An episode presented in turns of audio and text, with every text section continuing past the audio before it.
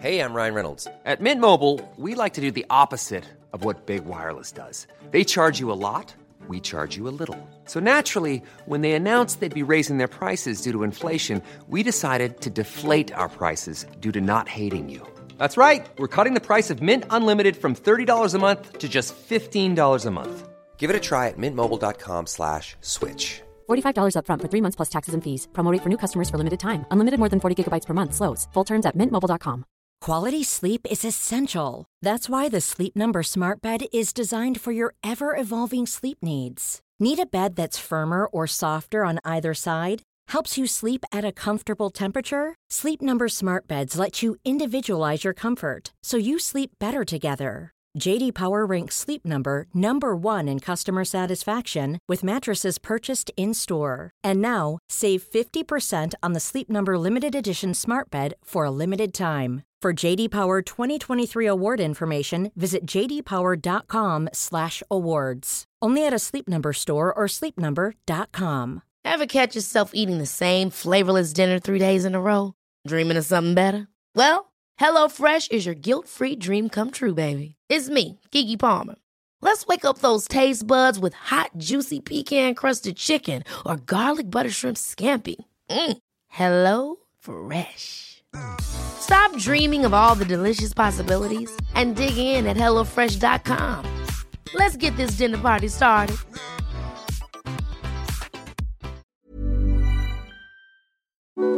I can discuss some of the psychological aspects of the case. You've got to get a hold of yourself. Now look here, Johnson, I'm going to get to the bottom of this. I can discuss some of the psychological aspects of the case. And you're really crazy, you know that? Yes, I remember that. Is this any concern of yours? Stop, stop, stop it now. I mean it. Ja, hei, det er psykolog Sondre Livre her. Diagnosen er dessverre svært alvorlig. Det viser seg at alt du tenker og føler er feil. Du må for all del ikke stole på hjernen din, den lyver.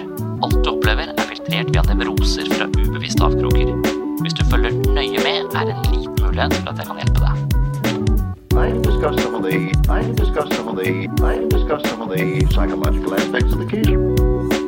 Well, I'm just losing my mind, that's all. Du ikke tro på hjernen din. Den lyver. Vi er jo mennesker fulle av nevroser. Det som gjør oss til sjarmerende idioter. Velkommen til andre del av arrangementet på Cinemateket i Kristiansand i oktober 2021.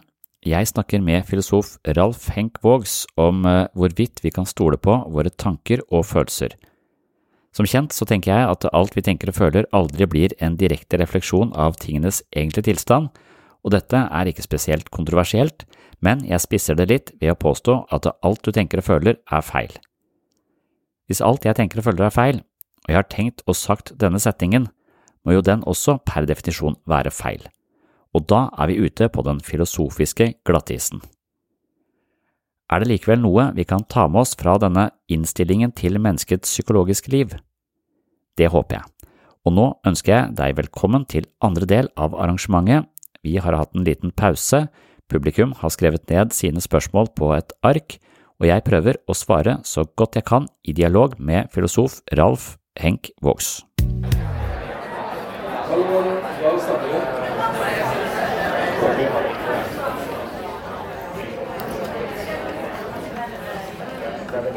Da har vi kommet til uh, den sesjonen som går på samtalen. Jeg må jo si tusen takk for et morsomt og tankevekkende innlegg fra deg, et foredrag. Så uh, hvordan føler du nå?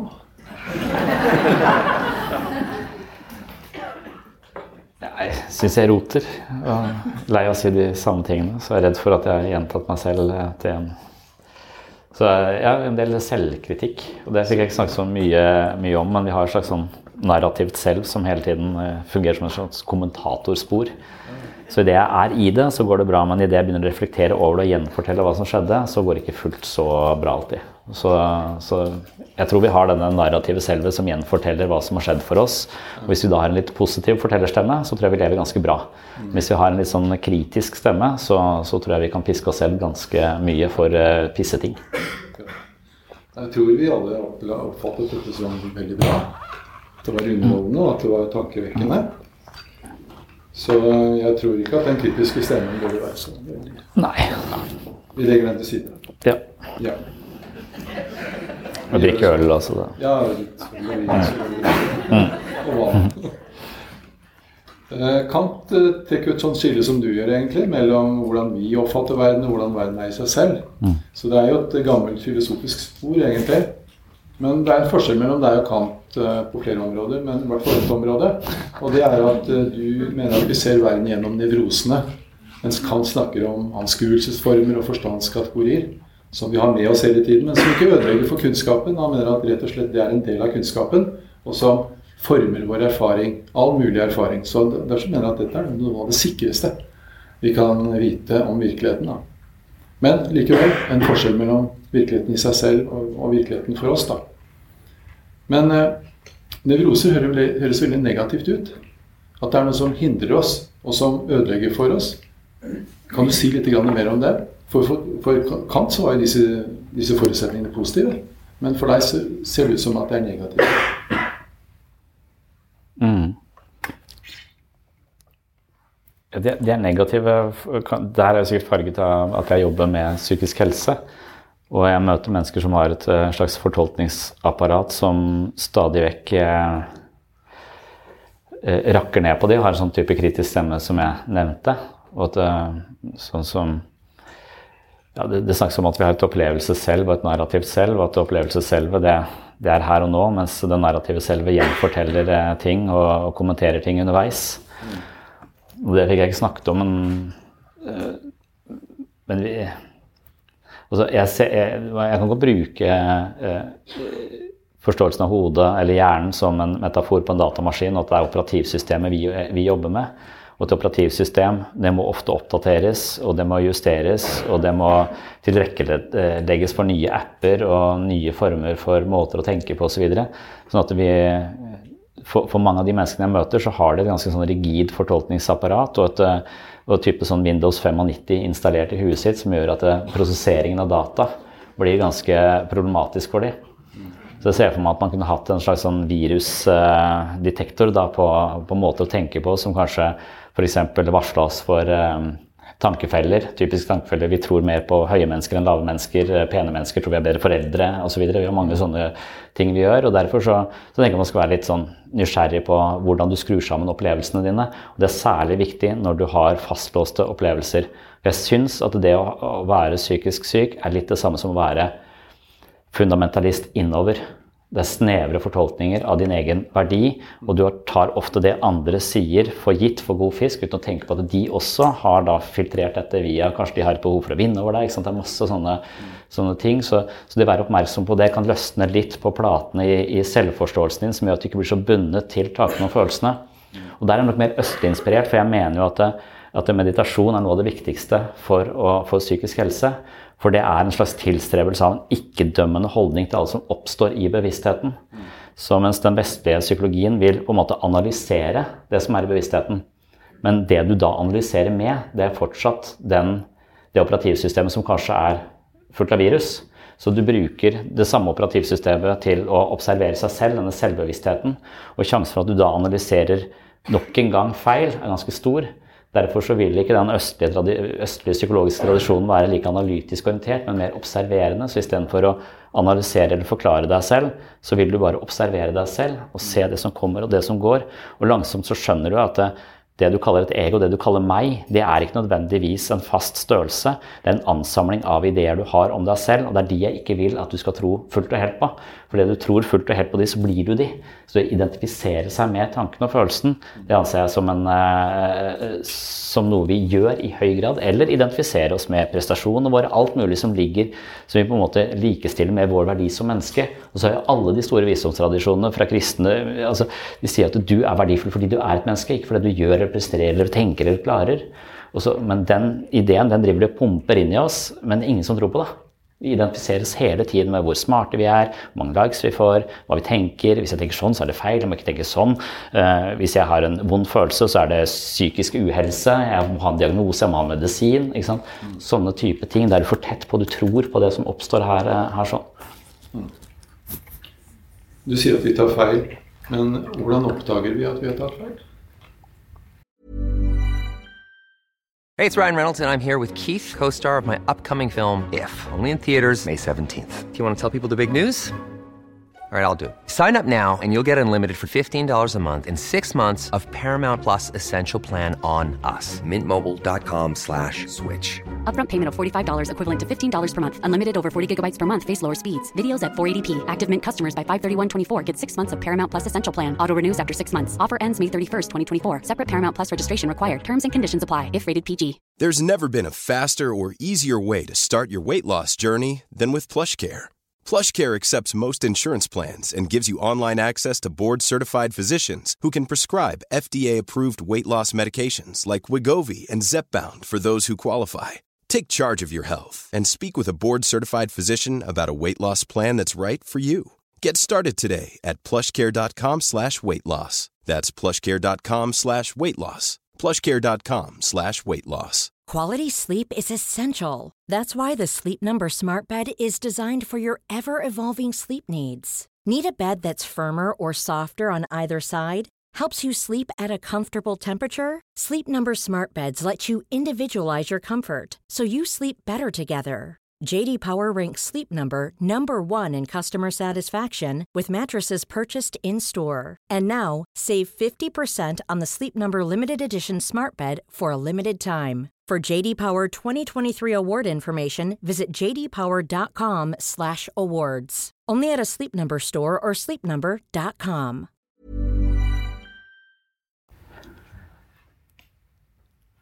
Altså, jeg, jeg tror som, da, da, da, tenker jeg bare at, eh, at du Kanskje du kan bruke naturvitenskapens uh, prinsipper på deg selv. Da, eller i hvert fall ha en sånn slags ydmykhet at jeg vet uh, Som jeg sier, at jeg vil hele tiden istedenfor å si 'jeg er sånn', Eh, eller 'jeg er sånn', altså dette verbet å være, det, altså det binder meg til en låst uh, fortelling. altså det jeg kaller noe for depresjon, eller det jeg kaller noe for uh, sosial angst, eller kaller noe for ustabil personlighetsforstyrrelse, så har jeg gitt en merkelapp, og den merkelappen den hører til en del forklaringer som du da ofte identifiserer deg med, i verste fall blir, selv om det ikke var det fra før.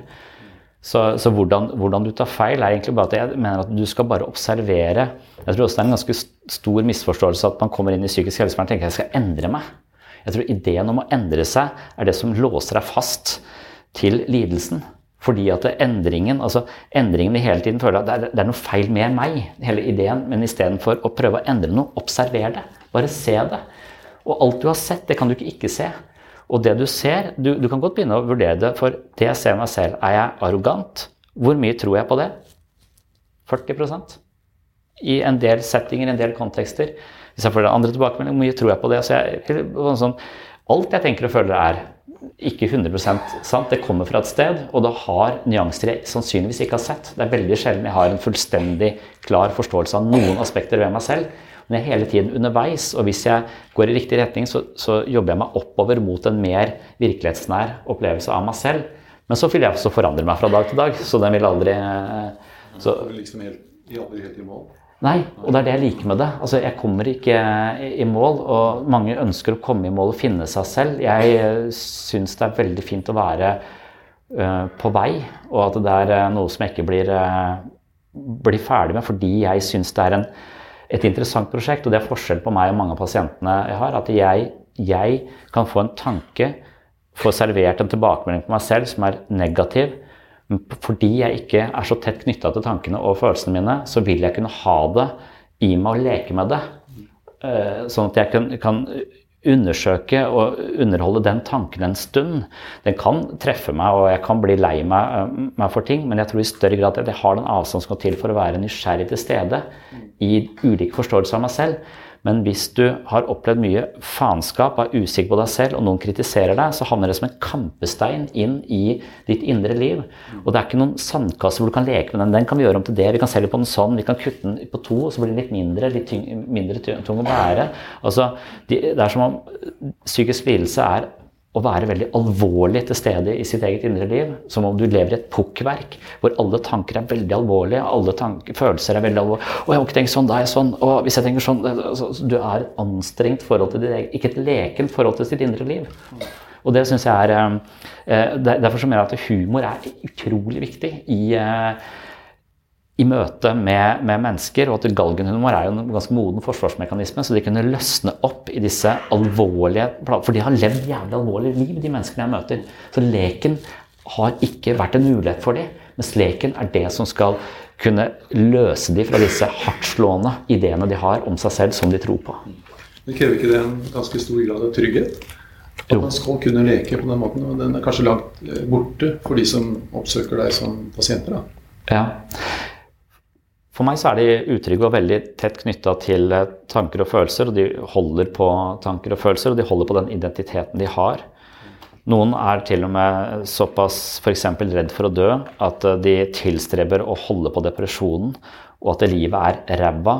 Andre mennesker er noen idioter. Ingenting betyr noe. For med en gang jeg begynner å bli glad i deg, med en gang jeg begynner å trives, med en gang jeg begynner å få en relasjon til deg her i denne gruppa, eller til denne gruppa, jeg begynner å bry meg om den personen, så blir livet mer verdifullt. Og frykten for å miste det blir høyere, dødsangst blir høyere. Så det er en slags eh, Du holder på, på, på denne depresjonen som en slags forsvarsmekanisme mot, å, mot uh, angsten for, for, å dø.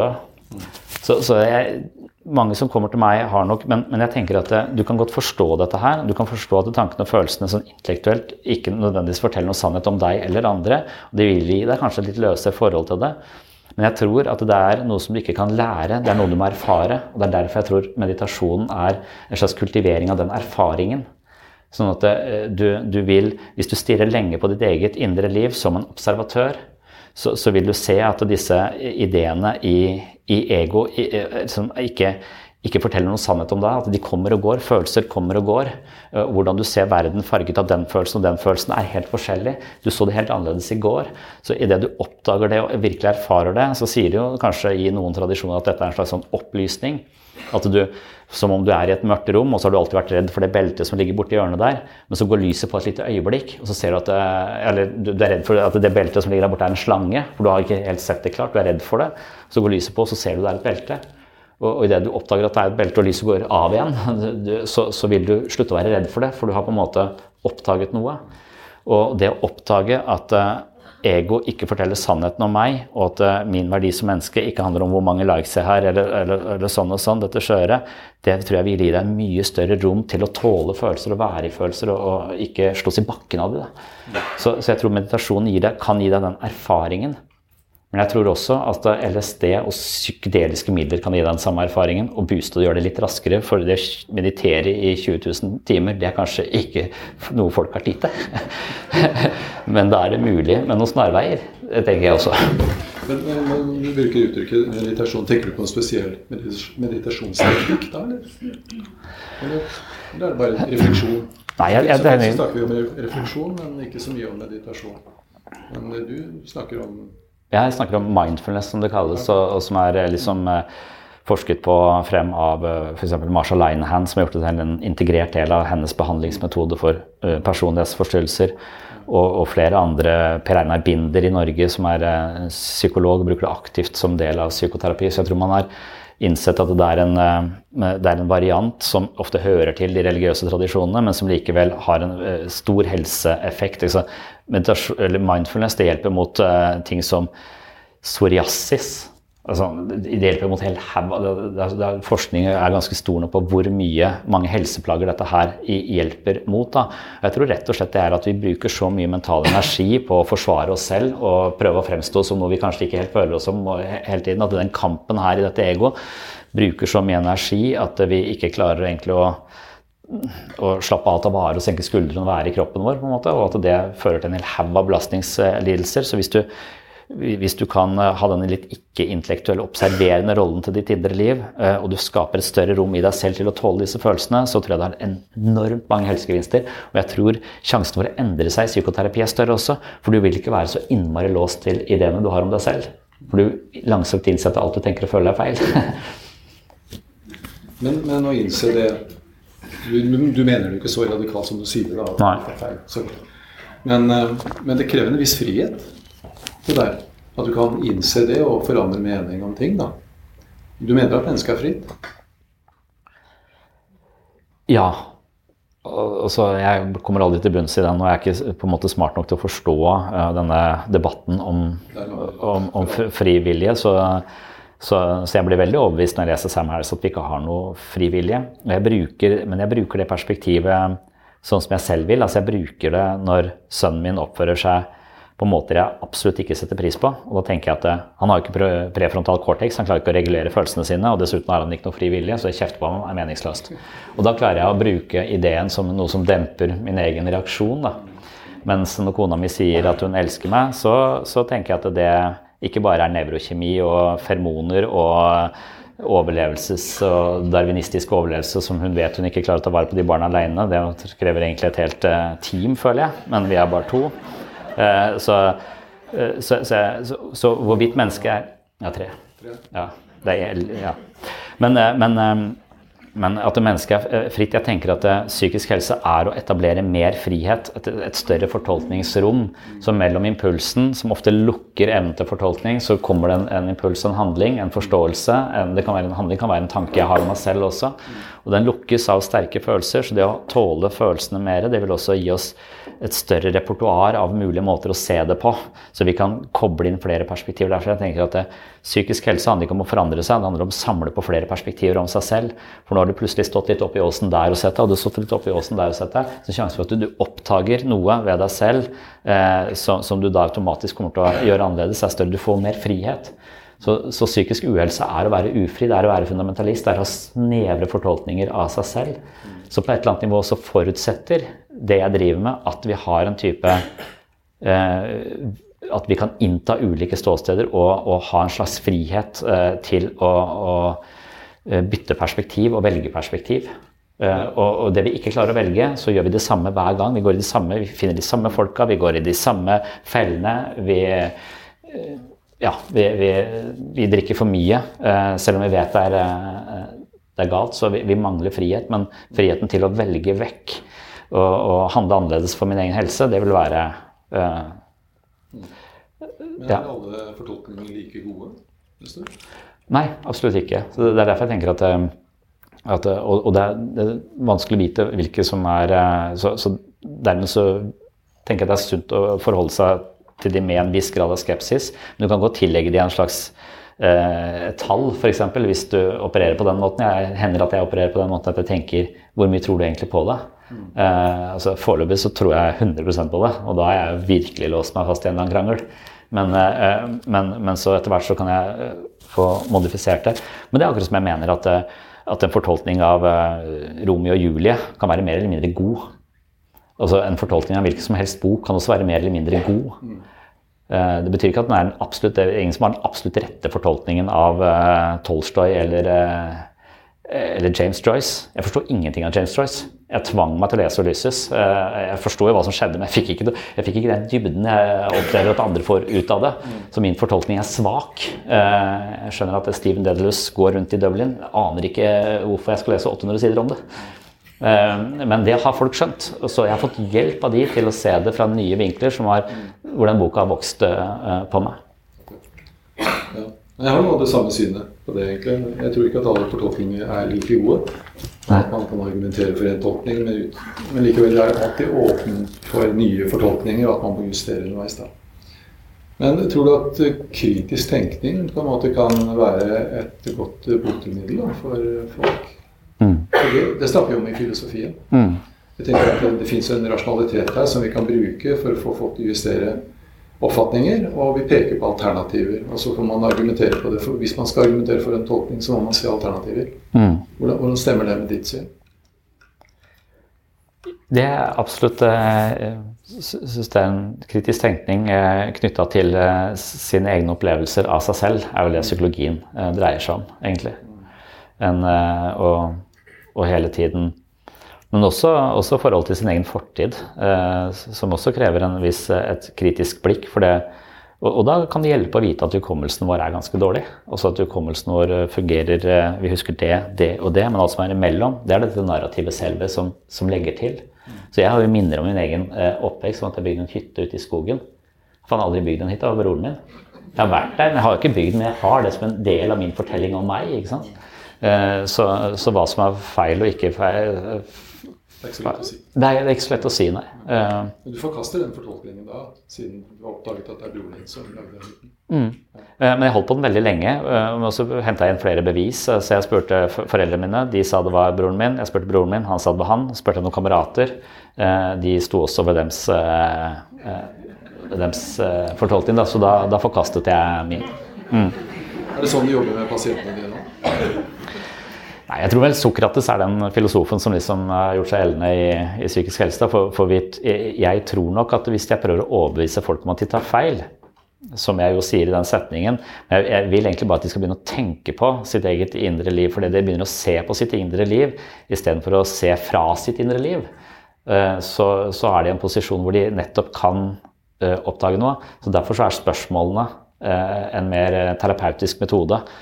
For hvis du sier du tenker feil, du burde tenkt sånn, så er det da, jeg, da blir det en debatt. Og da vil folk ofte bare tviholde på perspektivene sine. Så det er jo spørsmålet som, som er å få folk til å gå ut av sin egen virkelighetstunnel og beskrive den for deg. Fordi det du må beskrive deg sjøl, så er du ikke lenger deg sjøl. Du er ikke fanga deg sjøl, du ser deg selv. Og det er denne Prosessen du var inne i når du forsøkte å finne ut hvem som egentlig bygde den myten. Stilte deg stille spørsmål, og så prøvde du det ut, testet ut. Men pasientene har kanskje ikke ressurser til å gjøre det, så du må hjelpe dem med spørsmålene. Er det sånn?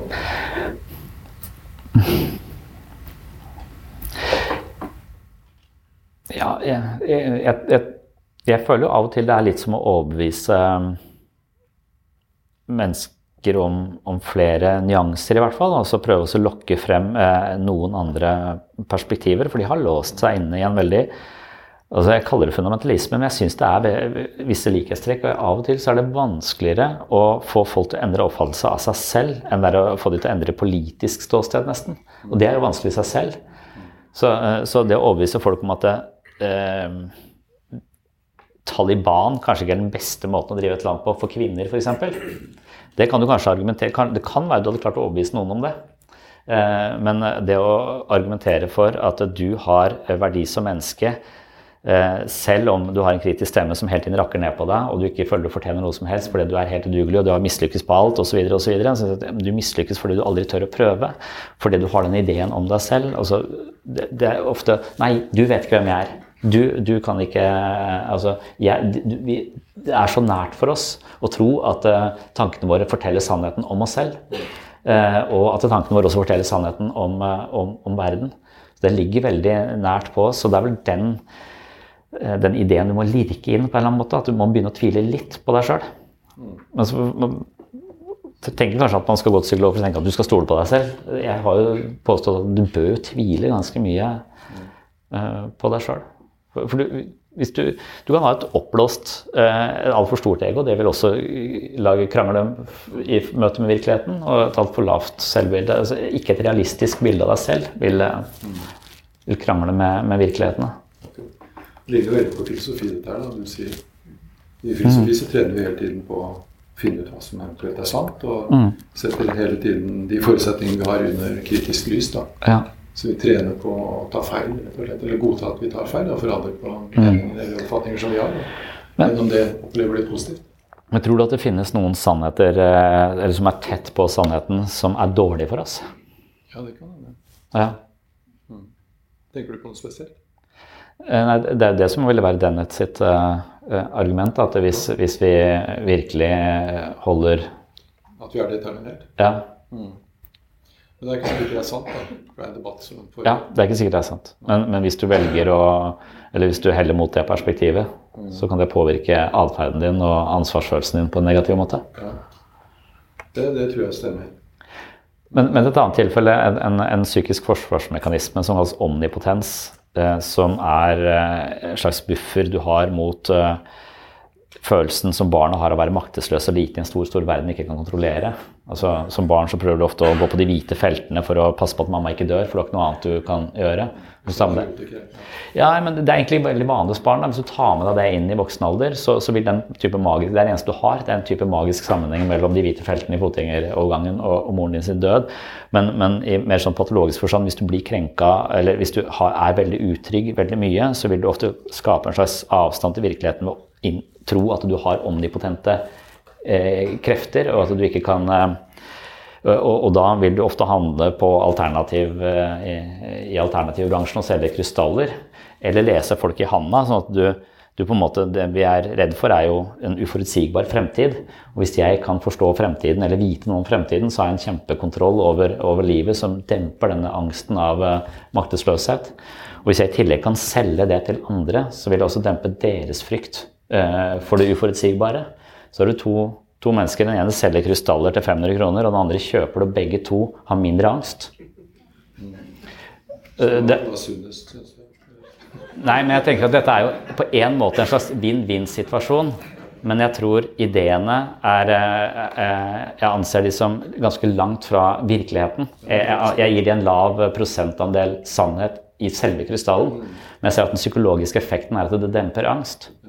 Men så tenker jeg litt at det er det samme fastlegen eh, gjør. altså Pumper ut masse medisiner som eh, virker marginalt, men hvis du tror at de funker, så funker de som bare faen. Eh, så, så, så de driver med litt av det samme, bare innenfor litt ryddigere former.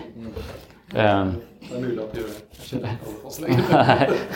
Nei, men de kjenner ikke heller alle. Det er bare sånn hvordan medisinene Ja. Ja, det Jeg tenker dette med personlig vekst. Eh, den evnen til å justere seg selv, justere sine oppfatninger, at de har med personlig vekst å gjøre. Og at eh, de som på en måte er fastlåst Jeg kaller det ikke fundamentalister, fordi innenfor filosofi så snakker vi om epistemisk fundamentalisme. Det er sånn som Descartes og veldig mange filosofer er. Jeg er det ikke, men det er noen få filosofer, alle fra nyere tid, som ikke er fundamentalister. De kalles korentister. Mm. Og de mener at ja, vi kan leve dynamisk i forhold til den kunnskapen vi har. Vi kan justere det underveis. Mm. Men vi blir ikke depressive eller uh, usikre av den grunn. Vi syns det er helt ok ja. å fungere på den måten. Mm. Uh, men uh, hvis man ikke gjør det, liksom låser seg fast og blir dogmatisk, altså, mm. så tror jeg det kan hemme personlig vekst. Tror du det? Som psykolog, vil du si det? Ja, absolutt. Mm. Det er liksom, Piaget har jo tenkt, eh, Faren til Piaget var jo ateist og professor, og mora var dypt religiøst og hjemmeværende. Så han vokste opp i et ganske sånn eh, altså, Det var ulike ideer, og der, nesten der han får den ideen om at utvikling er altså Du lager noen mentale modeller av hvordan ting fungerer, og så møter du på motstand og viser at det, det funker ikke, jeg må revurdere. Så det er assimilasjon og akkommodasjon innenfor Så det, det er utviklingen som hele tiden foregår. Det er en justering av våre mentale modeller som skal serve meg i møte med, med virkeligheten. Uh, og, og, at denne prosessen foregår altså Biologien, hjernen, vil utvikle seg, så du vil få flere eh, muligheter for dette underveis. Så, så, så du, liksom, du, får en sånn drahjelp av biologi. Biologien drar deg liksom oppover gjennom utviklingstrinnene, samtidig som kulturen hjelper deg oppover til å forstå nye ting av den typen intuisjonspumper. Skolen lærer oss ting, så vi lærer å bruke og utvikle oss. Men så kommer vi opp til rundt 20 år. Uh, og, da har noe, da har vi gått gjennom skolegangen, kulturen har lært oss, vi har havna der kulturen er. Uh, og biologien gir oss ikke noe mer drahjelp, så nå må vi gjøre det på egen hånd. Uh, og det å, det å, forandre ideene sine som du på en måte har utarbeida, det er en ganske tung operasjon. Det krever ganske mye mental energi, så vi bruker ofte mer energi på å prøve å tilpasse verden vår modeller eh, når, vi, når, vi, er blitt voksne. Så istedenfor å, for å justere de, så vil vi ofte bare eh, tviholde på de og forsvare de så, som, som, dogmatisk. Så det krever mer. Og hvis du skal f.eks. vokse forbi kulturen din, eh, så vil kulturen Før så er det en magnet som drar deg opp til den måten å tenke på. Hvis du skal videre, så fungerer det som en motmagnet som drar deg tilbake igjen. Så hvis du vokser opp i en familie for eksempel, som ikke snakker om følelser, og du tenker at det er jævla viktig å snakke om dem, hvis ikke så, øh, øh, så, får jeg bare vondt i hjertet hele tiden og kutter meg i armen, så er jeg nødt til å få uttrykt dette på en annen måte enn å bare få det i hjertet. Så, så, så, så vil de si å, du har begynt å føle så mye, du er, jo, du er jo syk, du må gå til syk liksom. så, så, de vil ofte prøve å dra deg tilbake og mene at den bevegelsen er noe vi ikke, ikke vil ha. Så det er veldig mange Uh, motstand, det er veldig mye motstand i vekst. Uh, og, det, det, er også synes jeg viktig å, å, få med seg. Veldig ofte når folk vokser og beveger seg, så vil de få negative tilbakemeldinger rundt seg. Det er folk som vil dra de tilbake. De har ikke bedt om den veksten. Det var fint sånn som vi kjørte før. Det er liksom på fot- fotballbanen. Altså, så, så, hvis du alltid har spilt eh, venstreback og sier at jeg passer ikke her, jeg liker ikke å spille venstreback, jeg vil spille, spille wing eller, eller spiss, og du plutselig bare går opp eh, som spiss, så sender de ballen dit, og så er du ikke det. Så sier faen, hva gjør du der oppe? Og Det er litt sånn jeg tror vekst fungerer. Når du, når du beveger deg, så vil du endre deg, og, andre, og det kommer til å påvirke andre også. Og da drar de det ofte til, tilbake igjen, og da tviler du på eh, deg selv, og så vil du ofte komme tilbake i, i vante mønstre. Så forandring er veldig vanskelig. Eh, men det er, for vi har ikke så mye drahjelp når vi er voksne. Med mindre vi blir filosofer og tenker på det eh, hele tiden. Det er derfor jeg mener det ja, men, jeg, jeg tenker det. altså Hvis filosofien altså De sier livsmestring i, i skolen. Det vet ikke jeg hva blir for noe. Men filosofi i skolen, det syns jeg hadde vært eh, Da hadde jeg vært mye mer positiv. Jeg er litt usikker på hva livsmestring er for noe. Om de skal si at det er vondt i følelsene, det er en psykisk Hvis det blir beskjeden, at de skal kjøre denne narrativen som hvor, hvor vi på Ungdata bare svarer mer og mer og mer og mer at vi, eh, at vi har, eh, er stressa, er urolige osv. Plutselig blir jo de selvoppfyllende, disse undersøkelsene, og vi identifiserer oss med det. blir narrativet om den unge generasjonen som er så slitne. Mm. Ja, dette er jo helt eh, et forsvarsfall for filosofien. Eh, jeg er helt enig. Ja. Mm. Vi går opp på de spørsmålene som har kommet fra, fra dere. Eh, Hva når tvilen tar for mye plass, slik at eh, en blir usikker, spørrende til alle? Ja. Det er jo et problem. Mm. Man kan bli så usikker. Ja. Hva sier du om det? Ja, jeg, jeg, jeg sier vel at eh, at du må ta med deg altså Hvis du skal tvile på alt, så må du også eh, bestemme deg for å ha en sånn der eh, At det jeg vet nå, ut ifra det jeg vet nå, det kan jeg handle på. Og så må du bare handle på det. Eh, og, og det er en sånn slags idé om at vi har så masse valgmuligheter, og jo flere valgmuligheter vi har, jo større sjanse er det for å ta feil, jo mer nervøse blir vi for å ta et valg, så vi blir helt sånn paralyserte av denne tvilen. Og jeg husker jeg leste mye Samuel Beckett, og han hadde jo karakterer som liksom tok denne tvilen ut i ytterste konsekvens, så havna han i en grøft, og så begynte å reflektere over hvordan han skulle komme seg opp fra den grøfta. Så lenge at de daua. For de kom seg aldri opp av den grøfta, for det var så mange muligheter. Kunne fortsette, kunne gå opp der, kunne gått der. altså ikke, Hva er bedre? Så hvis du havner i den eh, loopen der sånn, så er du jo eh, ute, ute og kjører. Så, så, det, det er klart at eh, du, du må jo eh, altså Det jeg vet nå, det, det vet jeg, og det må jeg, ta, eh, det må jeg bruke som fundament for de avgjørelsene jeg tar. Eh, så, så det er også viktig. Og ikke det, det er noe av det som har hjulpet meg mest som, som menneske, er å slutte å, å tvile på valgene mine. Fordi at jeg, Før så kunne jeg kontemplere var det riktig, var det ikke riktig. altså Kjøpe et hus, og så ble jeg bare sittende på Finn flere år etterpå og se om det var det riktige huset. Fordi For at nå selger de noe andre jeg kunne hatt. ikke sant? Så, så det å bo der var et helvete. Så istedenfor å sette pris på det jeg faktisk hadde, så er jeg usikker på om det var det riktige valget. Så du, tvilen kan ødelegge hele, eh, hele livet. Så den typen tvil er jeg ikke noe, eh, er jeg ikke noe for. Du må vurdere dine beslutninger i etterhånd og se om du kanskje kunne lære noe av det, tenker jeg. Ja, man, eh, det, det, det, er jeg enig i. Altså, man, man kan uh, vurdere de i etterhånd. Men sånn, f.eks. et ekteskap det er et ganske stort valg. Du kan jo vurdere da i etterkant om det var det riktige, når du møter eh, nye folk på jobben og sånn. og så begynner, begynner, eh, Den typen vurderinger er jeg usikker på om, om kanskje er med på altså, jeg, jeg tror masse valgmuligheter og hele tiden tvil på om vi har valgt det, det riktige, kan også være en årsak til at vi ikke prioriterer å sette pris på det vi faktisk har. Men at det også er en slags, en slags idé som ligger i, i, i kulturen vår og i kapitalisme, at, at vi hele tiden skal forbedre oss, at eh, vi kan skaffe oss noe som gjør oss et bedre liv, at det hele tiden den eh, bevegelsen vekk fra øyeblikket eh, til noe annet enn det vi, det vi har, er hele tiden forlokkende og en slags imperativ nærmest. Og hvis du virkelig er radikal i dag, så tenker jeg at du setter pris på det du har. og så Da fucker opp hele systemet. Da vil kapitalismen falle. vil ikke føle at vi hele tiden trenger noe nytt for å føle oss bedre. Så da ødelegger vi hele systemet. Så fornøyde folk de må være forsiktige med. Du, du må være misfornøyd og føle at du skal et annet sted for, å, for at vi skal holde hjula i gang. Hvordan klarer man å skille mellom fatigue og depresjon? Ja. Jeg kan ikke så mye om eh, fatigue. Så, så, jeg, så, jeg, tipper at fatigue vil være en, en tilstand som, som, hører til mer i den medisinske, naturvitenskapelige kvadranten. Så at forståelsen av biologiske faktorer vil veie tyngre der enn en man ville tenke en depresjon. Der tenker jeg at biologiske faktorer veier tungt. Genetiske faktorer veier. Livsstil veier. Kosthold veier. Måten du tenker på veier. Relasjonene dine veier. Altså, det er utrolig mange perspektiver du kan ta på det. Men det kan godt hende at fatigue har et litt mindre um, eh, rom for flere fortolkninger. Og dermed så er du litt mer også kanskje fanget. Eh, men jeg tror fortsatt ikke at det finnes én forklaring eh, på det. Og jeg tror det er det som er litt farlig i den naturvits. Alle de diagnosene som er veldig sånn biologisk eh, fundert, på en måte, som bipolar lidelse eller ME eller, eller ADHD osv. Dersom det er noe nevrologisk galt. Det, er liksom, hører til den medisinske eh, kvadranten. Og, og, da tror jeg vi, vi, kanskje også gir oss selv litt lite handlingsrom. Så det å ta 100% ansvar for, for livet sitt, eh, som er et sånn tips noen, noen har, det er jo å akseptere at noen ting kan jeg ikke gjøre noe med.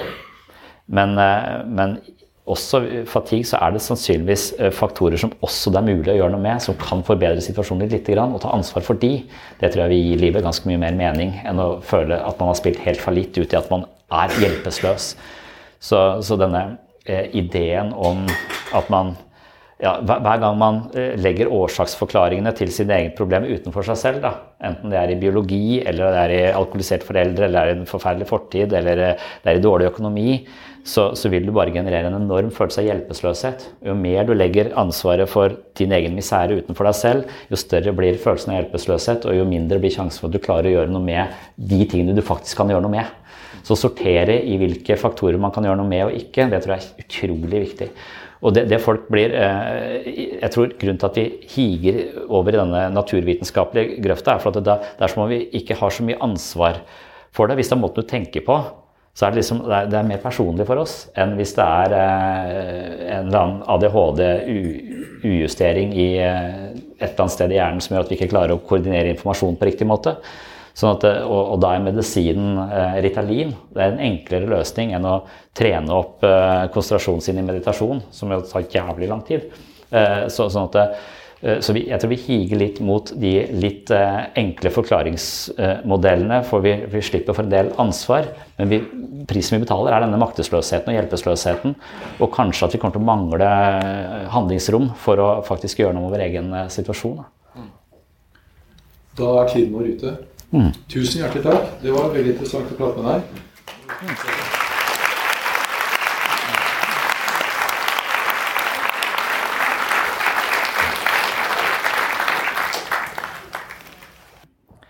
Ja, jeg mener at det, det kan være det. altså. Ja. sånn at det, veldig mange av de, Jeg er veldig opptatt av komikere, og, og mange av de eh, har ganske store utfordringer bak seg, men de mestrer det jo gjennom, uh, gjennom humor på en eller annen måte og leke, lekenhet.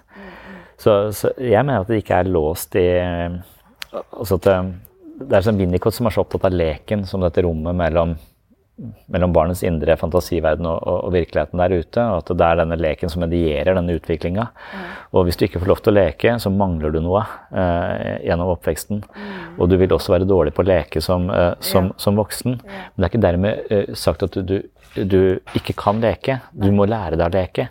Og jeg mener at ha bra. Eh, og jeg mener at eh, at den, den, hvordan voksne leker, er interessant. Eh, og jeg tror voksne leker på forskjellige måter.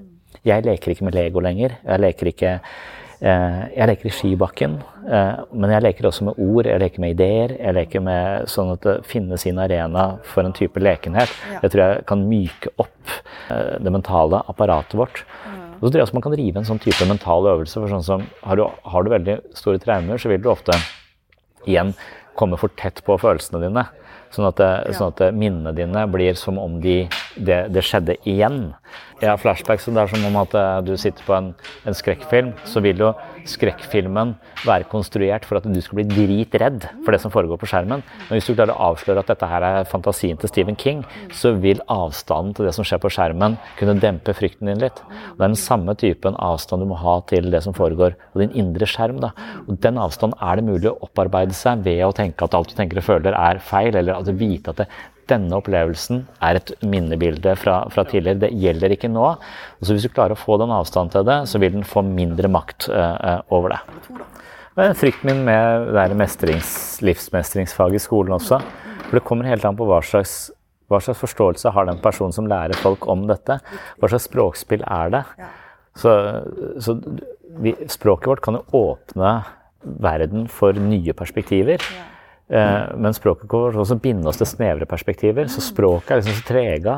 Det er språk vi bruker i psykoterapi for å se sider ved oss selv vi ikke før så. Men, men idet vi låser oss fast i noen enkle forklaringer på det, så er det hvis du har flere forklaringer hele tiden, så er sjansen for at du får et mer nyansert bilde, og at du er mer leken til stede i de ulike perspektivene. Så, så Takk for at du hørte på Sinnssyn. Takk til uh, Filosofikafeen i Kristiansand som visstnok er Norges eh, best besøkte eh, filosofikafé. Det er jo litt eh, stas. Og takk til filosof Ralf Henk Vågs for en liten samtale eller spørsmålsrunde i etterkant av dette foredraget jeg hadde om alt du tenker og føler er feil, som du også kunne få med deg i forrige episode her på Sinnssyn. Er du mer interessert i menneskets indre liv, relasjoner og selvutvikling, så håper jeg også at du klikker deg inn på min Patron-konto og blir supporter av Sinnsyn og Webpsykologen. På den måten støtter du dette prosjektet, og som takk for støtten får du en del ekstramateriale. Du får flere eksklusive episoder av Sinnsyn, du får mentale øvelser, videomateriell som ikke publiseres andre steder, og du kan høre meg lese og gjennomgå min første bok, Selvfølelsens psykologi, bedre selvfølelse ved å bruke hodet litt annerledes. Jeg leser også min eh, andre bok, som heter Jeg, meg selv og selvbildet, om å bli den man er, fullt og helt. Ved hjelp av en rekke psykologiske teorier forsøker jeg altså å lage et slags eh, treningsprogram hvor man gjør øvelser som styrker selvbildet, selvfølelsen og mentale muskler. Er du blant de som finner verdi her på sinnssyn og litt over middels interessert i psykologi og filosofi, så er et medlemskap i Sinnssyns mentale helsestudio kanskje noe for deg. Håper å se deg som Patron-supporter, og du finner altså medlemskapet på patron.com for segs sinnssyn. Hvis du vil ha flere episoder, så er det også en annen mulighet. Altså, du kan gå inn på Podimo og tegne et abonnement der sånn, så finner du også en del premium-episoder av Sinnsyn inne i denne Podimo-appen. Det var det jeg hadde for eh, denne gang. Håper du henger med i neste episode. På gjenhør! Oh, I'm just losing my mind, that's all.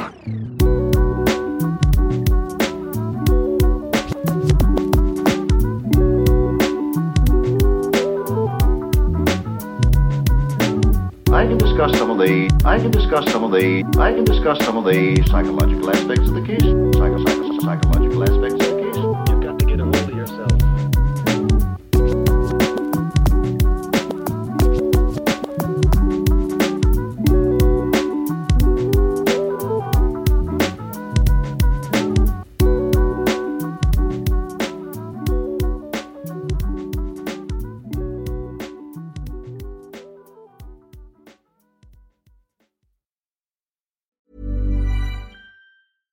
Ever catch yourself eating the same flavorless dinner three days in a row?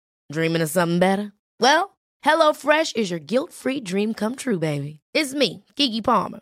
Let's wake up those taste buds with hot, juicy pecan-crusted chicken or garlic butter shrimp scampi. Mm. Hello Fresh. Stop dreaming of all the delicious possibilities and dig in at HelloFresh.com. Let's get this dinner party started.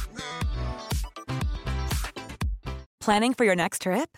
Elevate your travel style with Quince. Quince has all the jet setting essentials you'll want for your next getaway, like European linen, premium luggage options, buttery soft Italian leather bags, and so much more.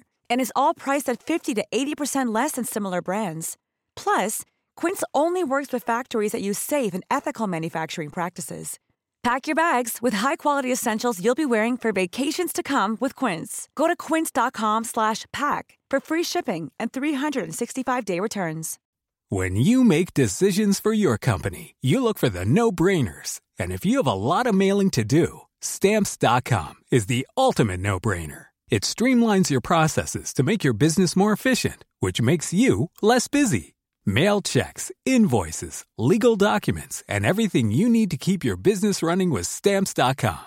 Seamlessly connect with every major marketplace and shopping cart. Schedule package pickups and see your cheapest and fastest shipping options from different carriers, with rates up to 89% off USPS and UPS rates. And with the Stamps.com mobile app, you can take care of mailing and shipping wherever you are. Make the same no-brainer decision as over 1 million other businesses with Stamps.com. Sign up with Code PROGRAM for a four-week trial, plus free postage and a free digital scale. No long-term commitments or contracts. That's Stamps.com. Code PROGRAM.